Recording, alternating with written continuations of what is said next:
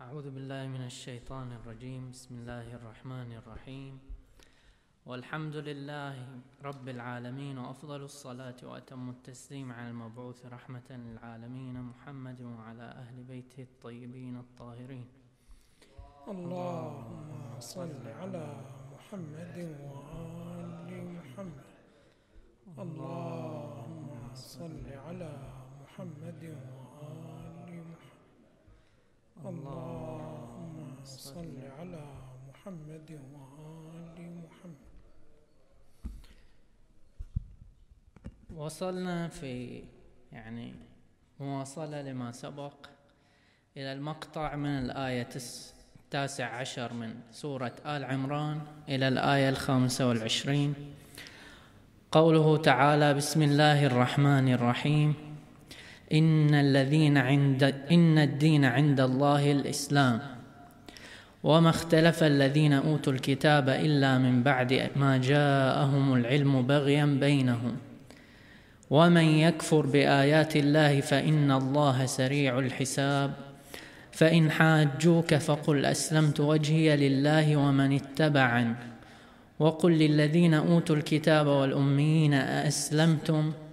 فإن أسلموا فقد اهتدوا وإن تولوا فإنما عليك البلاغ والله بصير بالعباد.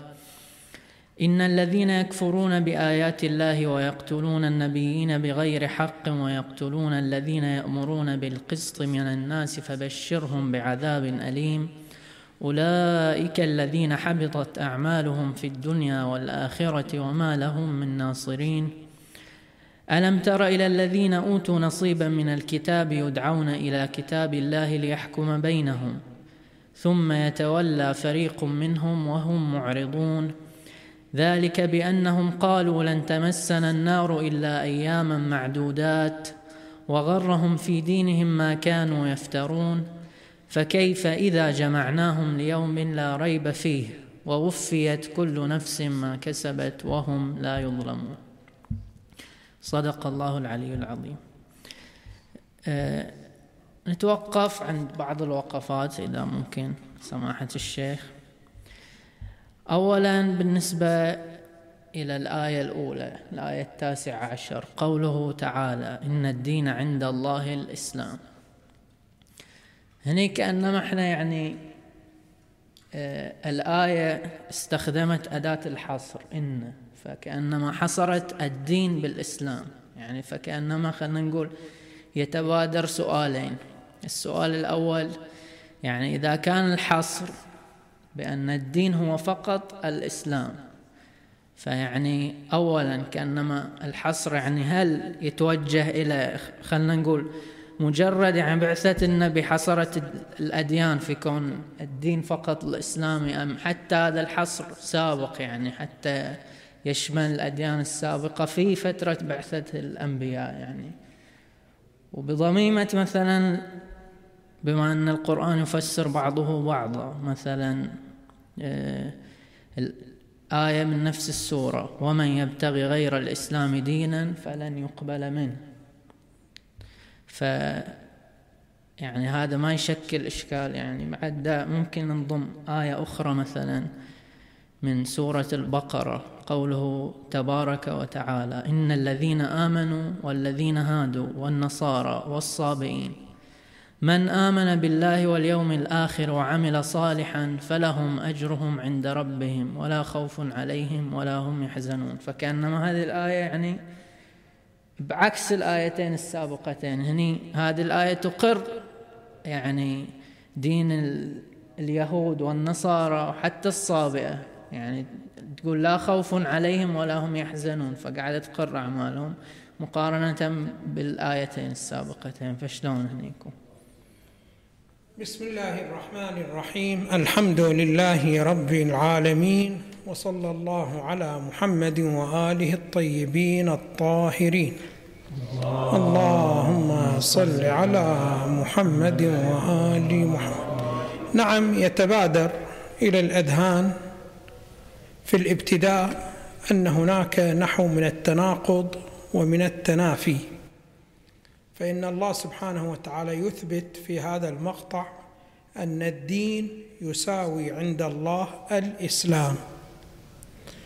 ونحن نعلم بأن الإسلام هو عبارة عن الدين الذي نحن نعتقده ويكون هو في قبال اليهودية والنصرانية وإلى آخره من الأديان التي جاء بها الأنبياء صلوات الله وسلامه عليهم فكيف يكون أن الدين تارة يقسم إلى دين إسلامي وإلى دين نصراني وإلى دين يهودي وأخرى يقال لا إن الدين هو على الإطلاق هو الإسلام.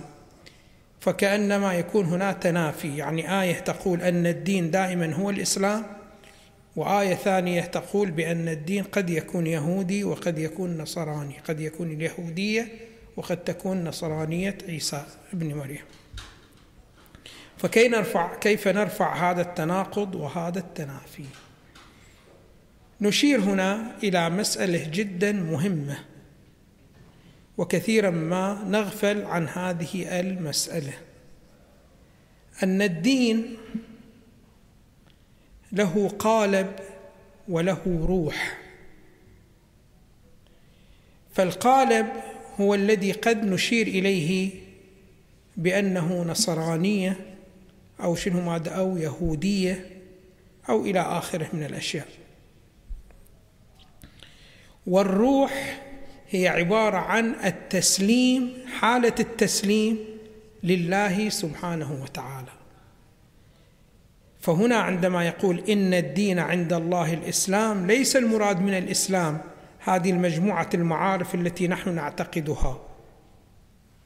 المسلمون لا.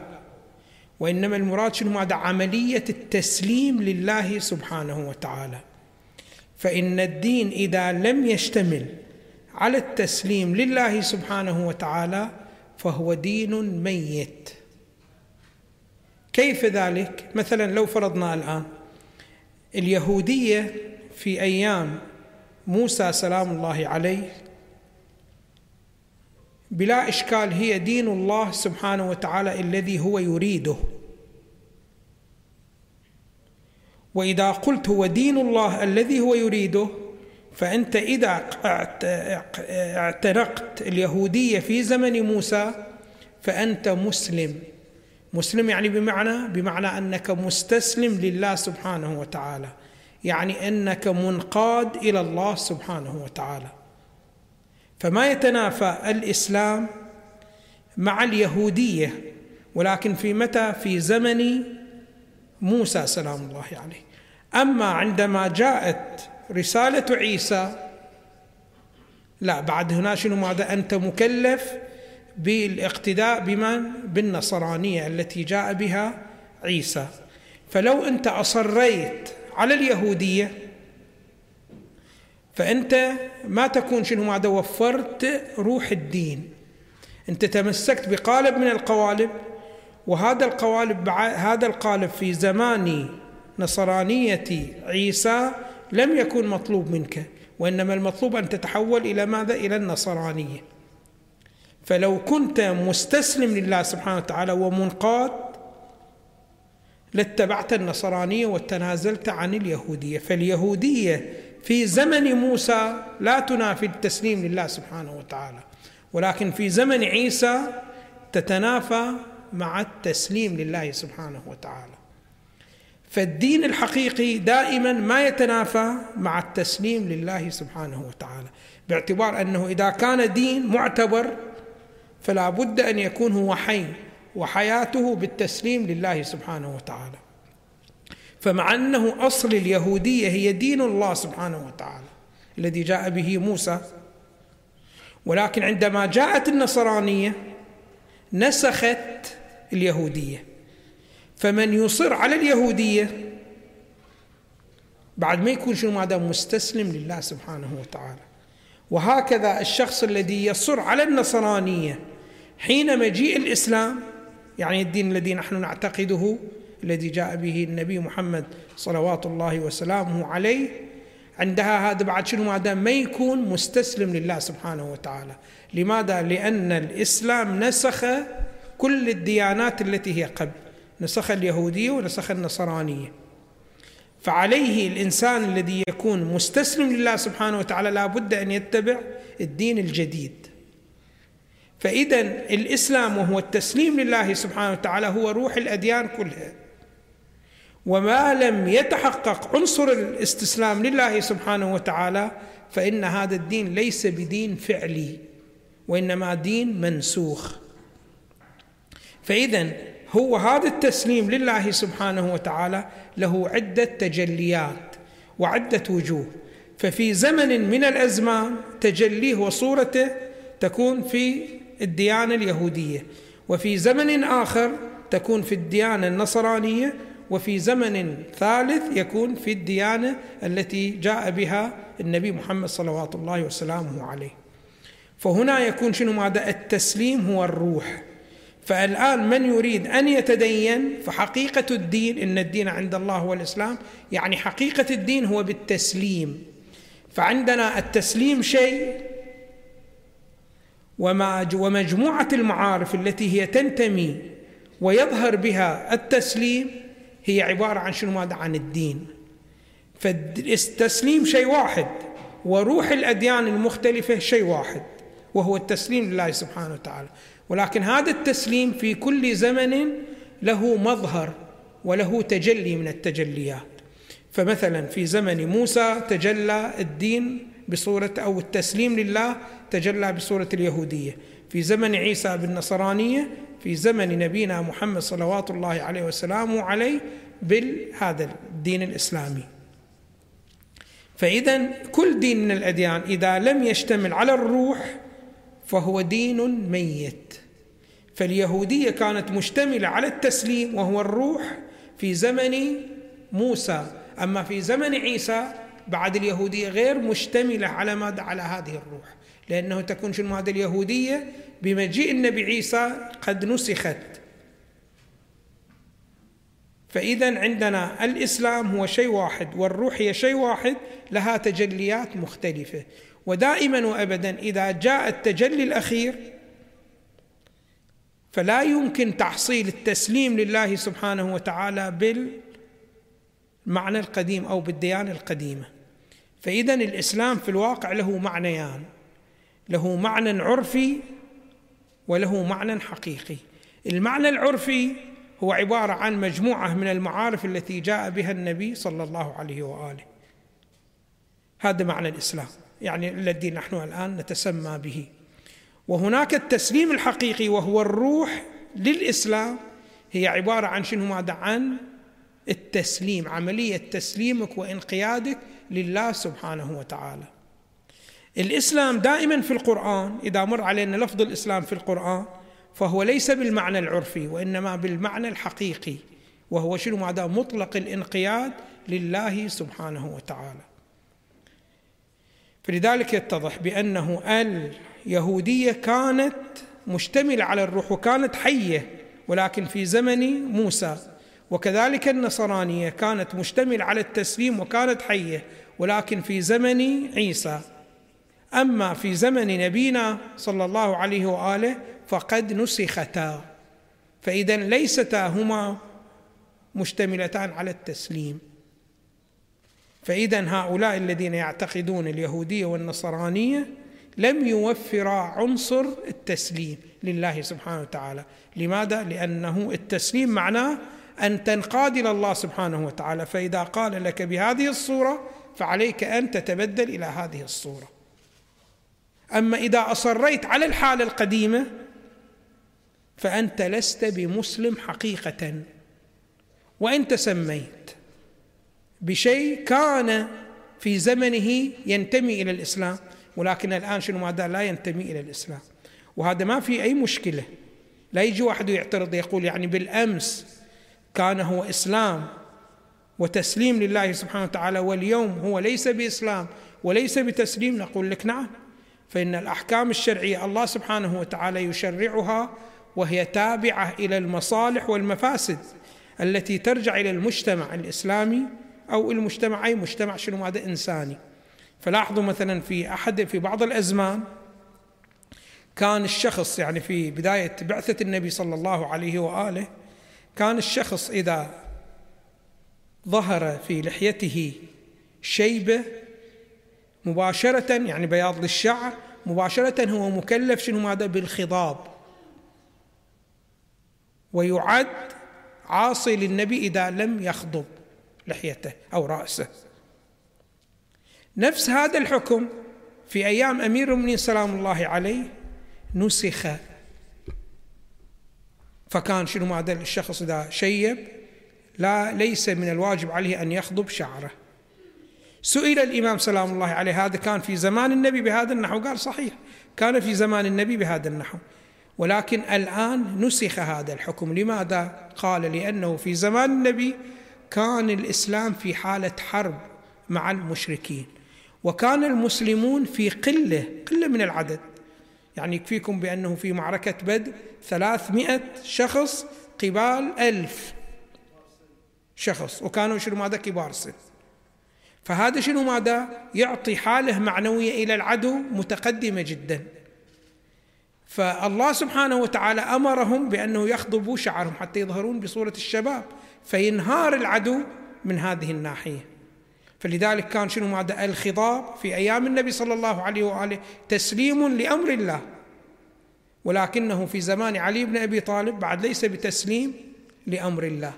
وإنما بإمكانك أن تخضب وبإمكانك أن لا تخضب. لماذا؟ لأن المسلمون كانوا في كثرة في ذلك الزمن. فما يحتاجون أن يستعينون شنو ماذا بصبغة الشعر. أما في زمان النبي صلى الله عليه وآله بهذه الصورة. على أي حال دائما الذي يكون متدين ودائما يتبع ما يريده الله سبحانه وتعالى مو يعتاد أمور معينة ومراسيم معينة ثم إذا الله سبحانه وتعالى نسخ الحكم هو يصر على التمسك بهذا الحكم.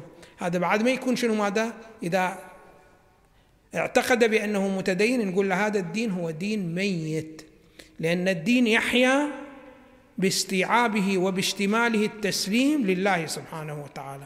فدائما يجب على الإنسان المؤمن الذي يريد أن يكون مسلم بالمصطلح القرآني يعني منقاد لله سبحانه وتعالى أنه دائما يتبع الإرادة الإلهية ويفعل مسألة العبودية لله سبحانه وتعالى.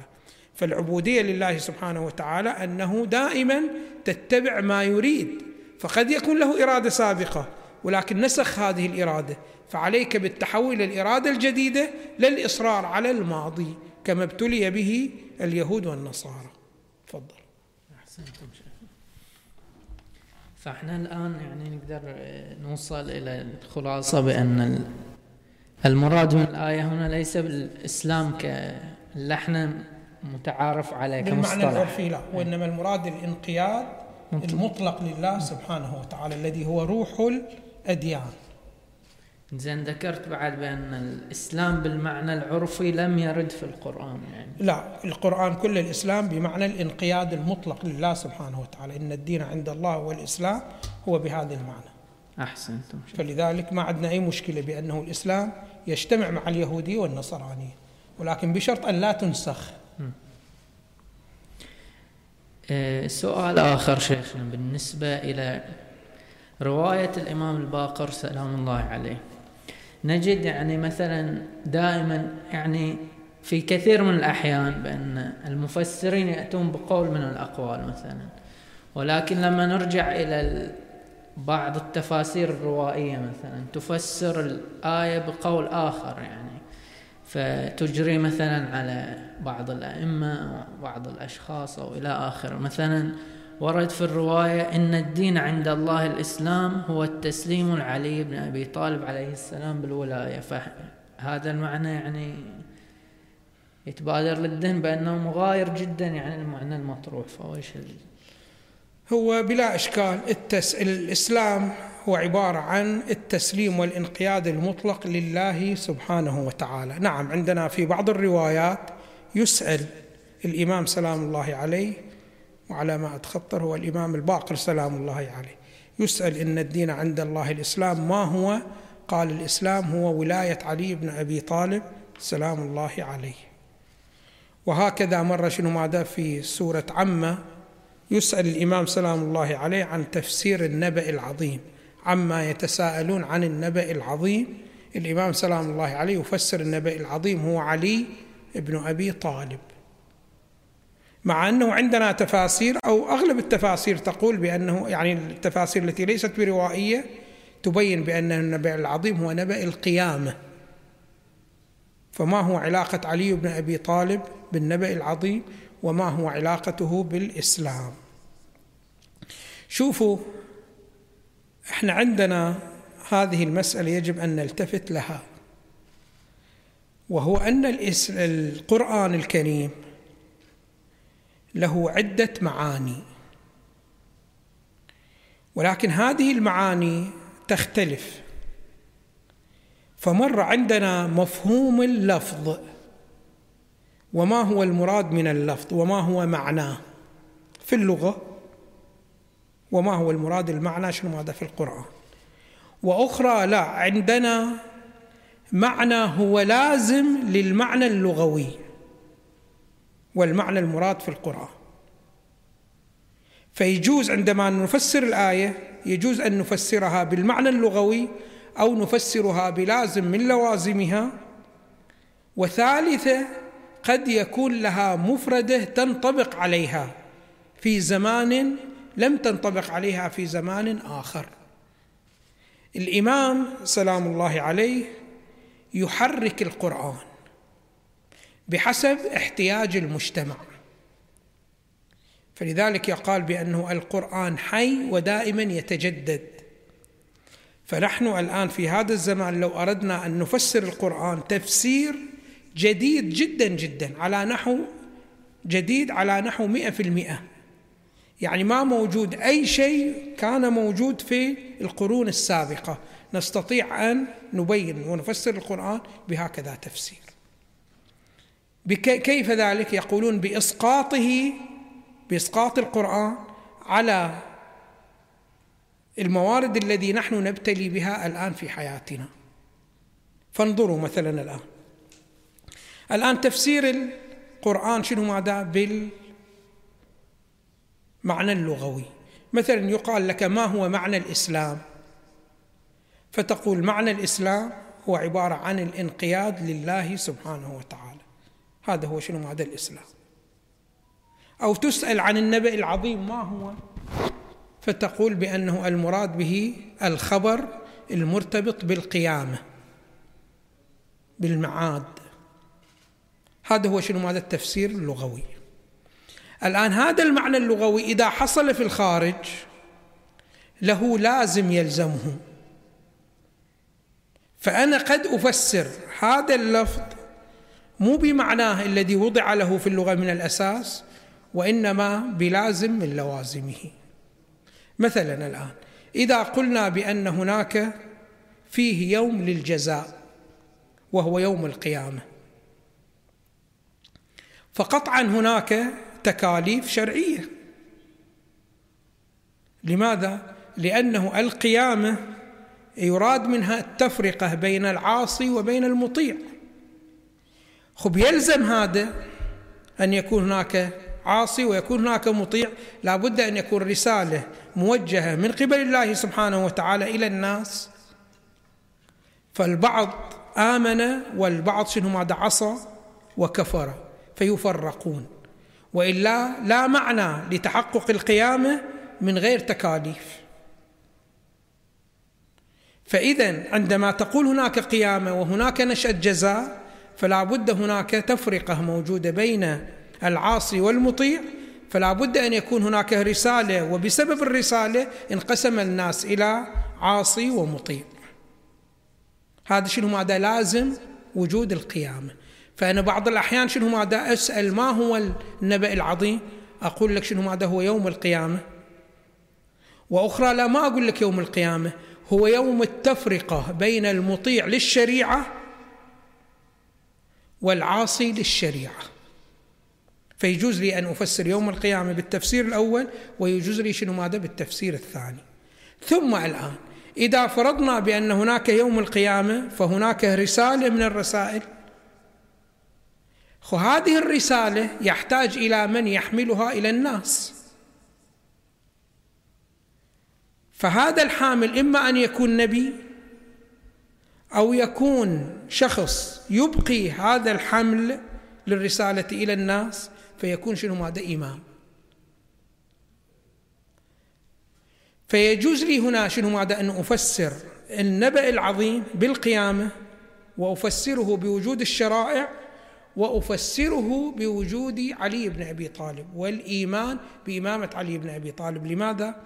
لأنه الإيمان بإمامة علي بن أبي طالب هو لازم للتشريع والتشريع لازم إلى من؟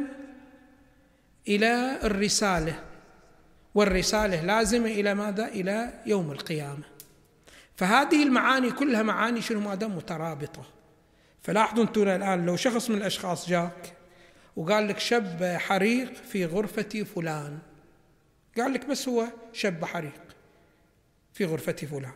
أنت على ضوء هذه المعلومة راح تفهم عدة معلومات. فإنه أنت إذا صدقت بأنه حريق شب في غرفة فلان هذا معناه أنه درجة الحرارة راح تكون مرتفعة في تلك الغرفة. هذا هو ما خبر ما قال درجة الحرارة مرتفعة. ولكن أنا أعلم بأنه إذا شب حريق فقطعا درجة الحرارة ترتفع. إذا ارتفعت درجة الحرارة عندك معنى آخر راح تستفيده. وهو عبارة عن شنو؟ ماذا عن انصهار الأسلاك الكهربائية. هذا هو ما قاله. أنت شنو ماذا استفدت. هذا لازم للمعنى الأول. فالمعنى الأول استلزم ارتفاع درجة الحرارة. المعنى الثاني ارتفاع درجة الحرارة استلزم انصهار الأسلاك الكهربائية. انصهار الأسلاك الكهربائية يلزمه معنى آخر وهو عدم وجود التيار يعني ما يمكن التيار شنو ماذا أن يشتعل. انقطع التيار. واضح شلون بهذه الصورة. إيه؟ ومباشرة إذا انقطع التيار معناه أنه لو دخلت الغرفة في وقت الليل ما راح تشاهد الحاجة الفلانية وهكذا. وكثير من المعاني تلزم المعنى الأول بحيث لو بطل كون الحريق هناك موجود أنت راح شنو ماذا تبطل كل هي الاستنتاجات. هكذا نفس الشيء. فهنا إذا الله سبحانه وتعالى قال هناك يوم القيامة فقطعا هناك في فصل بين الناس بين مطيع وعاصي. إذا كان هناك مطيع وعاصي فقطعا هناك رسالة من الرسالات خاطب بها الله سبحانه وتعالى الناس. إذا كان هناك رسالة فالرسالة تحتاج إلى من يواصل حمل هذه الرسالة وهو الإمام المعصوم. فلذلك شنو ماذا؟ لا يصح يوم القيامة إلا بماذا؟ إلا بمجيء الإمام المعصوم. فلذلك الإمام سلام الله عليه يوضح هذا المطلب فيقول النبأ العظيم من هو؟ هو علي بن أبي طالب. لماذا؟ لأنه قطعا إذا كان هناك قيامة لا بد أن يكون علي بن أبي طالب موجود أيضا. يعني نصب إمام. مراد الإمام نصب الإمام. كذلك هنا عندما يقال ما هو الإسلام؟ يقول شنو ماذا؟ الإسلام هو عبارة عن ولاية علي بن أبي طالب. صحيح. لماذا؟ لأنه الإسلام المراد منه القياد لله سبحانه وتعالى. وإذا فرضنا أن الله سبحانه وتعالى أمر النبي بنصب علي بن أبي طالب سلام الله عليه في الغدير فراح يكون التسليم. يكون شنو ماذا؟ باتباع أمير المؤمنين لو بالتمرد على أمير المؤمنين. قطعا يكون باتباع أمير المؤمنين. فيكون الإسلام في ذلك الزمن هو بالانقياد إلى أمير المؤمنين. فلو فرضنا شخص من الأشخاص يصلي ويصوم ويمتثل كل التكاليف الشرعية لكن يرفض ولاية علي بن أبي طالب سلام الله عليه. هذا معناه أنه شنو ماذا؟ ما حقق عملية الانقياد المطلق لله سبحانه وتعالى. فالإسلام ما يكون شنو ماذا؟ موجود في هذه الشخصية. إلا بالانقياد لعلي بن أبي طالب سلام الله عليه. فهذا التفسير تفسير شنو؟ ماذا صحيح. فالبعض قد يشكل ويشكك في هكذا تفاسير روائية. لا تفاسير روائية كلها ترجع إلى هكذا. وهذا عبارة عن شنو؟ ماذا عن تحريك القرآن. فلاحظوا إحنا في كل زمان يمكن شنو ماذا أن يمتاز المسلمون يعني المسلمون لله سبحانه وتعالى عن شنو ماذا عن غير المسلمين. فيمكن شخص وياك ممتثل كل هذه الوظائف الشرعية ولكن تأتي وظيفة شرعية أخرى لم تكن موجودة في الأجيال المتقدمة. ولكن الآن وجدت هذه الوظيفة الشرعية في هذا الزمن فعليك أن تمتثلها. إذا ما امتثلتها فأنت لست مسلم حقيقة لست منقاد لله سبحانه وتعالى. لا تقول بأنه الذين قبلي كانوا لم يكونوا ملتزمين بهكذا وكنتم تعدونهم مسلمين. نقول صحيح كلامك لأنه أولئك لم يكن في زمنهم هكذا وظيفة. هذه الوظيفة متجددة الآن جاءت. فإذا الإنسان لم يمتثلها فإنه شنو ماذا راح يتخلى عن الانقياد لله سبحانه وتعالى. فإذا دائما وابدا من يريد أن يحقق الإسلام في نفسيته وفي ضميره عليه أن يكون منقاد إلى الله سبحانه وتعالى مطلق الانقياد ولا تتعصب إلى شنو ماذا إلى القديم. فانه قطعا في زمن النبي صلى الله عليه وآله لم تكن ولاية علي بن أبي طالب شنو ماذا مطلوبة. لماذا لم تكن مطلوبة؟ لأنه يكفي أن تنقاد لأوامر النبي صلى الله عليه وآله. وهو شنو ماذا القبول الولاية هو عبارة عن ماذا؟ عن قبول الاقتداء بعلي بن أبي طالب. وإذا كان النبي موجود فأنت بعد ما مكلف بالاقتداء بالنبي بعلي بن أبي طالب. أساسا الاقتداء بعلي بن أبي اقتداء علي بن أبي طالب هو بالنبي. فأنت إذا اقتديت بعلي بن أبي طالب في الواقع مو اقتداء مستقل عن اقتدائك بالنبي صلوات الله وسلامه عليه. ولكن عندما توفي النبي لا بعد. يكون من عرض عليه الولاية ولم يقبل هكذا ولاية فإنه مشكك في إسلامه يعني في انقياده لله سبحانه وتعالى. فبعد شنو دام ما يتحقق روح الدين فيه. فيكون حكمه مثل حكم من؟ حكم النصراني وحكم شنو ماذا؟ اليهودي الذي شنو ماذا؟ لم يحصل فيه عنصر التسليم لله سبحانه وتعالى. نعم يمكنك أنت أن تشكك وتقول ما ثبتت أن ولاية علي بن أبي طالب هي جزء من الإسلام وأن الله سبحانه وتعالى أمر بها وذاك له كلام آخر وأدلة أخرى في محله. أما إذا ثبتت عندك ومع ذلك ما توالي علي بن أبي طالب فهذا يعد تمرد على الله سبحانه وتعالى. لأن المفروض أنه شنو ماذا؟ امتثالك واقتدائك به هو اتباع لله سبحانه وتعالى. تفضل. الرواية في صدد يعني كأنما تطبيق المفهوم على مصادق خارجية. أحسنت. على بعض المفردات المتجددة وعلى بعض المصادق المتجددة. أحسنتم. إذا ممكن شيخنا تبين بعض المفردات الواردة في المقطع. إيه، نبدأ بمفردة بغيا ما المقصود بالبغي هنا؟ البغي هو عبارة عن الحسد. شوفوا ما هو السبب الذي جعل علماء اليهود وعلماء النصارى ما يتبعون النبي صلى الله عليه وآله؟ يقول هذا عدم الاتباع مو عدم اتباع بريء ونزيه وإنما عدم اتباع متهم. لماذا متهم؟ لأن المفروض أن النبي صلى الله عليه وآله أقام الدليل. اولا الكتب المتقدمة يعني كتاب التوراة وكتاب الإنجيل أشار إلى مجيء النبي صلوات الله وسلامه عليه وبين صفاته.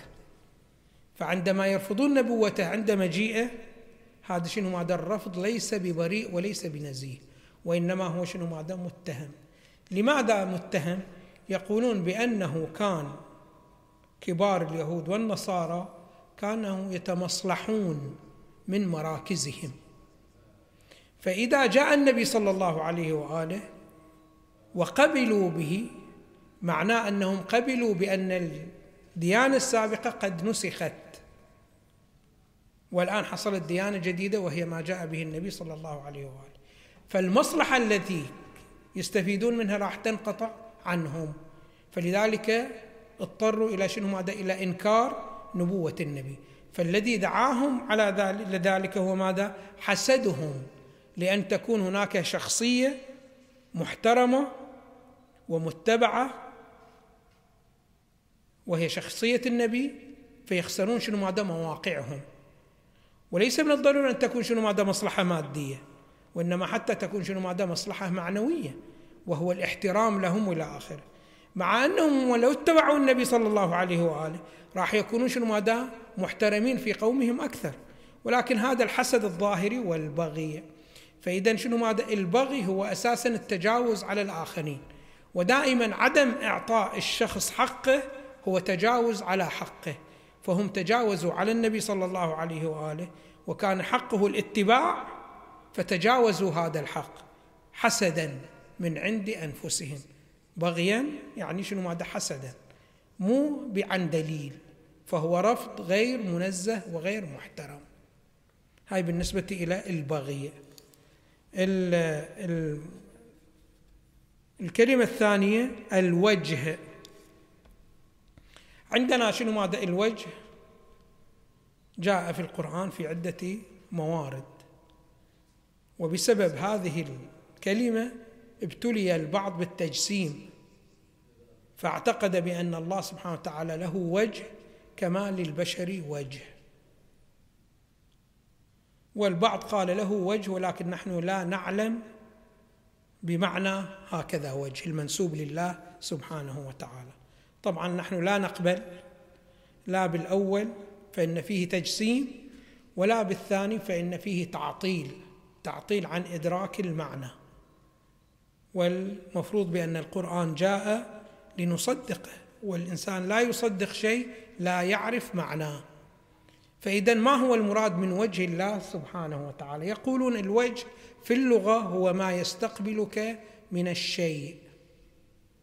فهذا الوجه أطلق على وجه الإنسان بأنه وجه لأنه أنا إذا قصدتك أقصدك من خلال وجهك مو من خلال ظهرك. وأنت إذا أردت أن تستقبل الأشياء تستقبلها بوجهك مو تستقبلها شنو هذا؟ بظهرك. الآن انت عندما تتجه إلى الله سبحانه وتعالى أنت تستقبله بشيء ويستقبلك هو أيضا شنو هذا بشيء. فأنت إذا قصدت الله سبحانه وتعالى الله سبحانه وتعالى يستقبلك بماذا؟ برسالته وبرضاه عنك وبجزائه وبثوابه. فهذه كلها تكون شنو ماذا؟ وجه الله سبحانه وتعالى. فالله سبحانه وتعالى إذا أراد أن يستقبل عبده يستقبله بماذا؟ برسله وبأنبيائه. فأنبياء الله هم وجه الله. وهكذا رسالته وتشريعاته هي وجه الله. وأنت عندما تذهب إلى الله سبحانه وتعالى إنما ذهابك بامتثال تشريعاته وبقصد التعرف على تشريعاته. فوجه الله سبحانه وتعالى هي تشريعاته وأنبياؤه وآياته وأفعاله التي تنبئ عنه. فهذا هو شنو؟ ماذا المراد بالوجه. بس هني الآية في صدد تقول فقل أسلمت وجهي يعني إيه؟ وجهي أنا ما المقصود بوجهي يعني. أسلمت وجهي أنا. أنا عند يعني مثلا وجهتي لله مثلا. لا أسلمت وجهي لله. وجهي. وجهي أنا هو عبارة عن ماذا؟ عن الأمور التي تصدر مني وتعرف شخصيتي. أنا الآن عندما أطلع على وجهك أعرف شخصيتك أم لا؟ كذلك شنو ماذا الآن اعتقادك يعرفني شخصيتك وأعمالك تعرفني شخصيتك فوجهك هو اعتقادك وأفعالك. فأنت تقول لله سبحانه وتعالى أنا أسلمت وجهي لله يعني أسلمت اعتقادي للاعتقاد الذي يريد به الله سبحانه وتعالى أن أعتقده. وهكذا أعمالي لما يريده الله سبحانه وتعالى أن أقوم به بهذا النحو وبهذه الصورة. هذه بالنسبة إلى شنو ماذا الوجه؟ المصطلح الآخر أو الكلمة الأخرى ما هي؟ عندنا الأميين. الأميين. شوفوا عندنا بعض الكلمات لا نستطيع أن نعرف معناها إلا من خلال معرفة ما يقابلها. فالآن أنت مرة تقرأ كلمة أمي ويجعل في قبالها الذي لا يكتب ولا يقرأ. فتقول اذا الامي المراد شنو الذي لا يقرأ ولا يكتب؟ في قبال من يقرأ ويكتب فهو ليس بأمي. ولماذا هنا سمي أمي؟ يقولون لأنه كان قبل عادة الشخص الذي لا يتعلم القراءة والكتابة كان بسبب أنه يكون ملازم لأمه كثيرا وأمه تخاف عليه أن يذهب إلى موقع الدرس فيضرب ويتعرض لبعض الأخطاء. فتلازمه فما يكون له القدرة لا على الكتابة ولا على القراءة فيكون شنو ماذا؟ أمي. فعلى أي حال تحديد معنى الأمي لأنه الأمي قد يطلق ويقابله الذي يعرف الكتاب والقراءة فهو ليس بأم. فالأمي من لا يعرف الكتاب والقراءة. وبعض الأحيان يطلق الأمي في قبال الكتاب. فإنه في المدينة وفي مكة كان شنو ماذا؟ يهود ونصارى. فكان اليهود والنصارى يعتبرون انفسهم من أهل الكتاب فهم كتابيين. المشركين يعتبرهم شنو ماذا؟ أميين. فمرادهم من الأمية مو الذي لا يقرأ ولا يكتب وإنما مرادهم من الامي هو الذي لا يعتقد بوجود كتاب سماوي. فهم يعتقدون بالتوراة والآخرون يعتقدون بالإنجيل وهي كتب سماوية. ومن لا يعتقد يكون شنو ماذا أمي. فأمي مرة يكون قبال الكتاب وأخرى يكون قبال من لا يقرأ ومن لا يكتب. فدائما تفسير الام لابد أن ترجع إلى الكلمة التي قبالها. فإذا كان قبالها الكتابي فيكون مشرك المراد. فهو عندما يقولون شنو ماذا أمي يعني مرادهم شنو ماذا المشرك في قبال الكتابي ولكن مو دائما وإنما دائما عليك أن تلاحظ ما هو الذي جعل في قبالها. فإذا جعل من لا يعرف يقرأ ولا يكتب فهذا يكون شنو ماذا؟ الامي يكون الذي لا يقرأ ولا يكتب في قبال من يقرأ ويكتب. والامي في قبال الكتابي معناه المشرك. الكلمة الأخرى عندنا لا هي القسط كلمة القسط. القسط هو عبارة عن العدل. الله سبحانه وتعالى يأمر بالقسط يعني يأمر شنو ماذا؟ بالعدل. وعندنا حاجوك أي خاصموك. وعندنا حبطت يعني بطلت. فعندنا كثير من الأعمال الإنسان قد يعملها وهي أعمال مطلوبة من الناحية الشرعية. ولكن هناك أعمال أخرى إذا قام بها تبطل هذه الأعمال. فيأتي يوم القيامة وميزانه خالي من الأعمال الصالحة باعتبار أنه جاء بأعمال أخرى أبطلت تأثير هكذا أعمال. أيضا هو من المصطلحات القرآنية. أحسنتم شيخنا. عندنا تقريبا ثلاث دقائق. إذا عشان بعدين نفتح المجال للاسئله بس ما أدري. إيه، إذا ممكن ناخذ ما هو الغرض من هذا المقطع؟ يعني هذا المقطع وش توجه إلينا من كل هذه المعاني؟ هذا المقطع بالواقع ممتلئ بالأغراض التي يجب علينا أن نلاحظها. أول مسألة من المسائل أن الإنسان يسعى في حياته إلى أن يحقق عنصر التسليم لله سبحانه وتعالى. فإن الإنسان يمر عليه بعض الأحيان بأنه يمتثل العمل مو لأجل لأن الله سبحانه وتعالى يريده فيحقق باتباعه حالة التسليم لله سبحانه وتعالى وإنما لأجل أن هذا العمل يستجيب لشهوة من شهواته فهو يقيم على هذا العمل لأنه فيه استجابة لشهوة من شهواته. مثلا شنو ماذا؟ بعض الأشخاص يصلي ولكنه شنو ماذا؟ هذه الصلاة مو لوجه الله سبحانه وتعالى. وإنما يصلي لأجل أنه يشتهي هذا الأمر بحيث لو ترك الصلاة يحس شنو ماذا؟ باشتهاء الصلاة. والبعض الآخر قد يمارس عمل من الأعمال لأجل العصبية. فتقول له بأنه الدين الإسلامي يقول لك بأنه اتبع فلان جهة هو يصر على أنه شنو ماذا فلان كذا شيء هو هذا الأمر. ويزين له الشيطان بأنه لا تتنازل عن رأيك. تعصب له. فلو قلت له ما شاء الله بأن الله سبحانه وتعالى هكذا يقول وهكذا ما يعترف بهكذا شيء وإنما يصر على ما هو متعصب إليه سابقا. فهذا ليس شنو ماذا لوجه الله لأنه بعض الأحيان أنت قد تعمل أعمال صالحة الشرع يريدها ولكن أنت عندما واحد يسألك في أعماقك ما تقول أنا أفعلها لأن الله سبحانه وتعالى يريدها وإنما أفعلها لأجل أنه شنو ماذا أنا عقلي الباطن وتربيتي الخاصة تدعوني لهذا الأمر. هذا أيضا يتنافى مع عنصر التسليم. يذكر العلماء فيما يرتبط بالنبي يوسف يقول النبي يوسف في آخر عمره تزوج بزليخاء وتعلمون بأنه زليخة راودت يوسف عن نفسه فأبى هو ذلك أن يستجيب لها.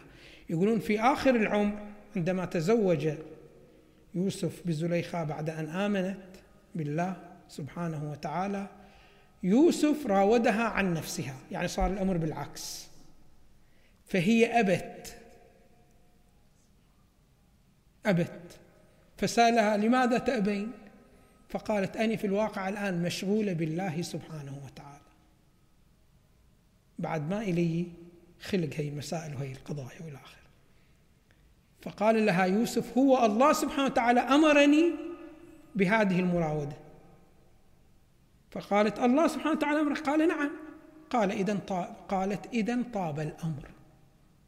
فشوفوا هي تسليم لله سبحانه وتعالى. فعلينا دائما وأبدا أن الإنسان ينوي ويتوجه ويقصد التسليم لله سبحانه وتعالى لا لأجل مصلحة من المصالح ولا لأجل عصبية ولا لأجل استجابة لشهوة من الشهوات أو لبيئة خاصة أو لتربية خاصة. يعني خل دائما لسانك. إذا واحد شنو ماذا يقول لك؟ افعل هكذا أو افعل كذا. أولا ماذا يقول الله سبحانه وتعالى؟ يعني أنا للأسف الشديد التقيت بالكثير شنو ماذا من الناس ما تشاهد في كلام في كلامه لأن الله يريد. لا. يقول لك مثلا أسوي هكذا فلان شيء ليش تسوي فلان هذا الشيء؟ يقول لك جاري هم سوى فلان هكذا شيء. أنا أسوي فلان هكذا شيء لماذا تسوي الشكل والله أجدادنا وآبائنا ورثنا هكذا عن هكذا شيء. وين الله سبحانه وتعالى ما في في كلامه شنو ماذا الله سبحانه وتعالى. هذا شنو ماذا من الاشتباهات الكبيرة. دائما خلي لأن الله يريد هكذا شيء. هذا شنو ماذا يعودك على التسليم لله سبحانه وتعالى. هذا شنو ماذا الغرض الأول. الغرض الثاني على الإنسان دائما أن يلتفت إلى كثير من المواقف التي يقفها الإنسان إنما يدعوه لهكذا موقف هو البغي والحسد لا لشبهة علمية. فلا تبتلي أنت بما ابتلى به النصارى. النصارى عندما جاءوا إلى النبي صلى الله عليه وآله وبين حجته على أنه الآن الرسالة رسالته وليست رسالة شنو ماذا عيسى. أصروهم على ذلك الأمر. وما أرادوا يعني ما عندهم دليل علمي حتى يدفعه النبي صلى الله عليه وآله. فالله سبحانه وتعالى دعا النبي لإجراء المباهلة. فعندما قال لهم تعالوا نتباهل أنتم تقولون على الحق؟ تعالوا شنو ماذا؟ ندعو الله سبحانه وتعالى بأنه يجعل اللعنة على من هو باطل فينا. هم شنو ماذا؟ ما قبلوا المباهلة. هذا مو لحجة علمية وإنما أنتم تقولون على الحق ومتيقنين من ذلك. خب تفضلوا. فشوفوا الله سبحانه وتعالى عندما يأمر بالمباهلة وراح يرتب أثر فإنهم لو باهلوا لا نزلت عليهم الكلمة كلمة العذاب. فمعناه أنهم ليسوا في شبهة لأنه لو كانوا في شبهة بين الحق والباطل الله سبحانه وتعالى ما ينزل عليهم العذاب. وإنما هم عندهم يقين بأنه النبي هو الآن نبوته المنجزة والمعتبرة. ولكنهم ما يريدون يسلمون بهذا الأمر. فلذلك يصرون على شنو؟ ماذا على الباطل. فعلى الإنسان دائما لا تصر على الباطل. وإن أقيم لك الدليل على الحق وتبين لك الحق. فلا تلتزم بهذه المسألة. الغرض الثالث أنه الإنسان في حياته كثيرا ما يتناقش مع الآخرين. يقولون إحنا عندنا عنوانان في الشرع مرجوحان. يعني لا يجب عليك أن تتلبس بهما. مسألة أن تكون صاحب لجاج وصاحب شنو ماذا عناد. خب كيف تكون شنو ماذا صاحب عناد وصاحب لجاج؟ إذا كان الطرف الآخر الذي تناقشه يصر على الباطل مع وضوح الباطل باطل. خلاص اقطع بعد اقطع شنو ماذا الجدال معه لأن هذا ياخذك إلى المراء والجدال التي الذي ليس بالصورة التي هي أحسن. فدائما إذا الشخص الآخر ينكر شيء واضح جدا فإنما ينكره لأجل شنو ماذا ملكة. في نفسيته ملكة جدا. شنو ماذا؟ مريضة. هذا بعد ما يفيد فيه النقاش. بل يقود النقاش إلى شنو ماذا؟ إلى نتائج سلبية جدا جدا. مثل يقولون شخص من الأشخاص كان ما يريد يصوم شهر رمضان. فيقولون إلى أنت مو تتبع القرآن. يقول أنا أتبع القرآن. ولأنه أتبع القرآن القرآن يقول لي لا تصوم. وين القرآن يقول لا تصوم؟ يقول ها القرآن يقول فمن شهد منكم الشهر. أنا ما شهدت الشهر أنا ما شفت الهلال. هو لماذا لم يشهد الهلال؟ لأنه ما يطلع من بيته. يعني من يجي أجواء الاستهلال هو ما يخرج من بيته. هو يسمع شهادة فلان. يقول هذا فلان هو شهده أنا ما شهدته. هو شاهد الهلال فعليه حجة هو. أما أنا ما شهدته فليس شنو ماذا بعليه حجة. يقولون إلى أنه ارتفع قمر شهر رمضان وبان في الحوض الذي في منزله في الماء. فالتفت إلى صورة القمر فقال له أنا ما راح أصوم حتى لو نزلت أنت بقدك أيها القمر في هذا الحوض. هذا هذا ما يفيد شنو ماذا النقاش معه إلى اخره فالإنسان دائما ابدا لا تناقش وتجادل مثل هكذا أشخاص ينكرون الضروريات. من الدين. على الإنسان أي دائما أن يلتفت إلى ما يناقض التسليم لله تعالى. فإن الكثير قد يدعي بأنه مسلم لله سبحانه وتعالى. ولكنه لو نظر إلى بعض تصرفاته راح يحصل كثير من المواد هي تناقض عملية التسليم لله سبحانه وتعالى. الأمر الآخر أن يكون للإنسان اعتقاد بأنه لا كرامة لأحد على الله سبحانه وتعالى إلا بالاعتقاد الحق والعمل الصالح. فالحظوا هنا المقطع يشير إلى هذه المسألة. قالوا لن تمسنا النار إلا أياما معدودة. اليهود كانوا هكذا. اليهود يعتقدون بأنهم عنصر خاص. يختلفون عن شنو ماذا عن القوميات الأخرى. ولذلك شوفوا اليهودية ما تسمح لأي إنسان. شوفوا إحنا الآن بالنسبة للإسلام ما هو ملاك أن يكون الشخص مسلم؟ أن تأتي تقول أشهد أن لا إله إلا الله أشهد أن محمد رسول الله خلاص أنت مسلم. اليهود لا. يقولون حتى تكون يهودي لابد أن تنتمي إلى شنو ماذا إلى يعقوب. النبي فتكون من سلالته. فالآن هم عندهم هناك في إسرائيل أو في فلسطين المحتلة اليهود اللي ساكنين هناك يرون بأن هاي اليهود الفلاشة اللي جاءوا من أثيوبيا يشككون في كونهم شنو ماذا يهود. لأنهم هذول ما يرجعون إلى شنو ماذا إلى يعقوب. فهو دين عنصري بامتياز. على أي حال هنا شنو ماذا قالوا؟ أن لهم على الله كرامة. فلذلك يوم القيامة الله سبحانه وتعالى إذا بدخلهم النار أيام معدودة يعني عذاب جدا شنو ماذا خفيف أيام معدودة يعني قابلة للعد. فليست شنو ماذا بكثيرة.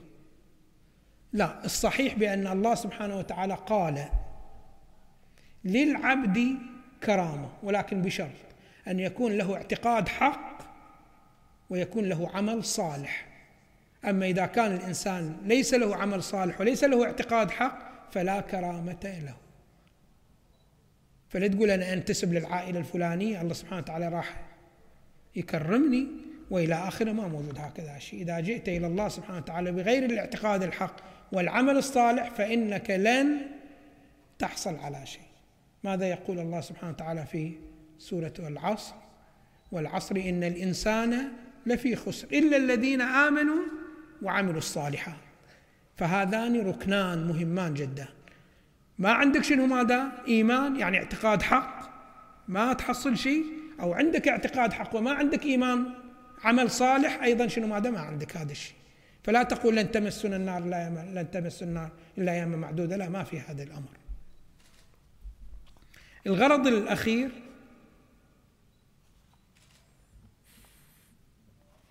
عندنا شنو ماذا؟ بعض الروايات للأسف الشديد نحن قد نتداولها بيناتنا وهي تتنافى مع معطيات القرآن.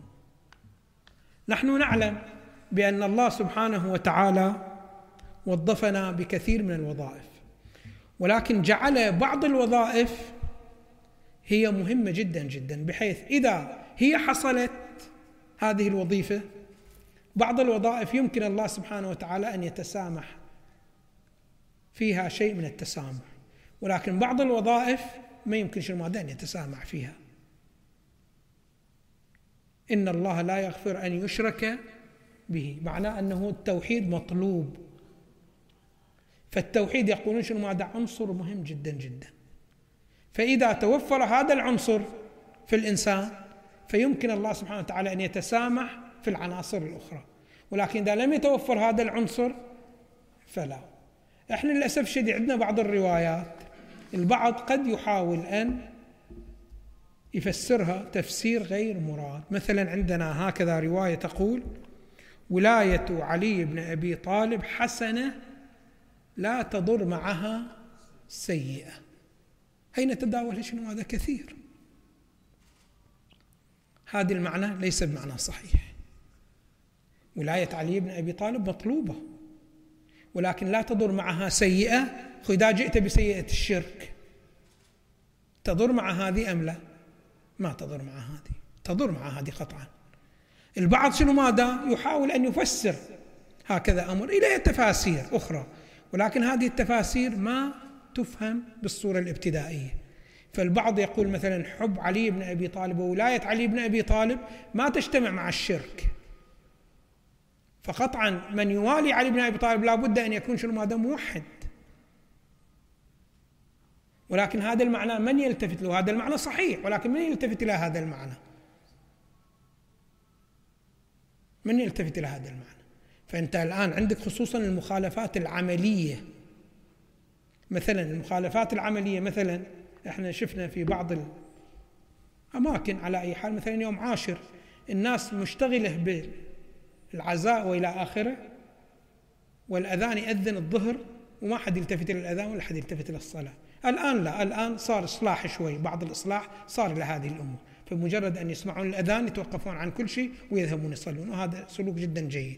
ولكن قبل كان شنو هذا مو بهذه الصورة.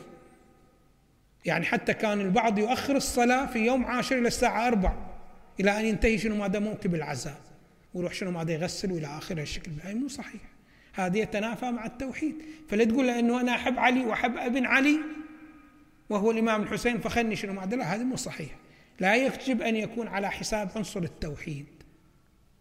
هذه شنو؟ ماذا مسائل مهمة يجب أن نلتفت إليها. تفضل. إذا ممكن تناول سؤال واحد قبل لا نختم. سؤال من الواتساب. يقول هل تغيير بعض الفتاوى من أحد الفقهاء بحسب استنباطهم لبعض المسائل وقيام المقلد؟ بالتطبيق يعتبر تسليم لروح الدين مثل ما كان يطلب النبي أو الإمام من المسلمين في بعض الأحكام الشرعية أم لا؟ بلا إشكال أنت إذا تقلد مرجع من المراجع وبالطريقة الشرعية يعني ثبت لك أعلميته وإلى آخره. فإذا غير رأيه إلى رأي شنو ماذا آخر؟ فأنت لا تتعصب إلى الرأي القديم. وإنما عليك شنو ماذا أن تغير. هذا من باب شنو ماذا؟ من التسليم لله سبحانه وتعالى بلا إشكال. أحسنتم شيخنا. الوقت انتهى تقريبا باقي بس دقيقة فنختم ولو أن موجود يعني بعض الأسئلة. إن شاء الله المرات الجاية. أحسنتم. والحمد لله رب العالمين وصلى الله على محمد وآله الطاهرين. اللهم صل على محمد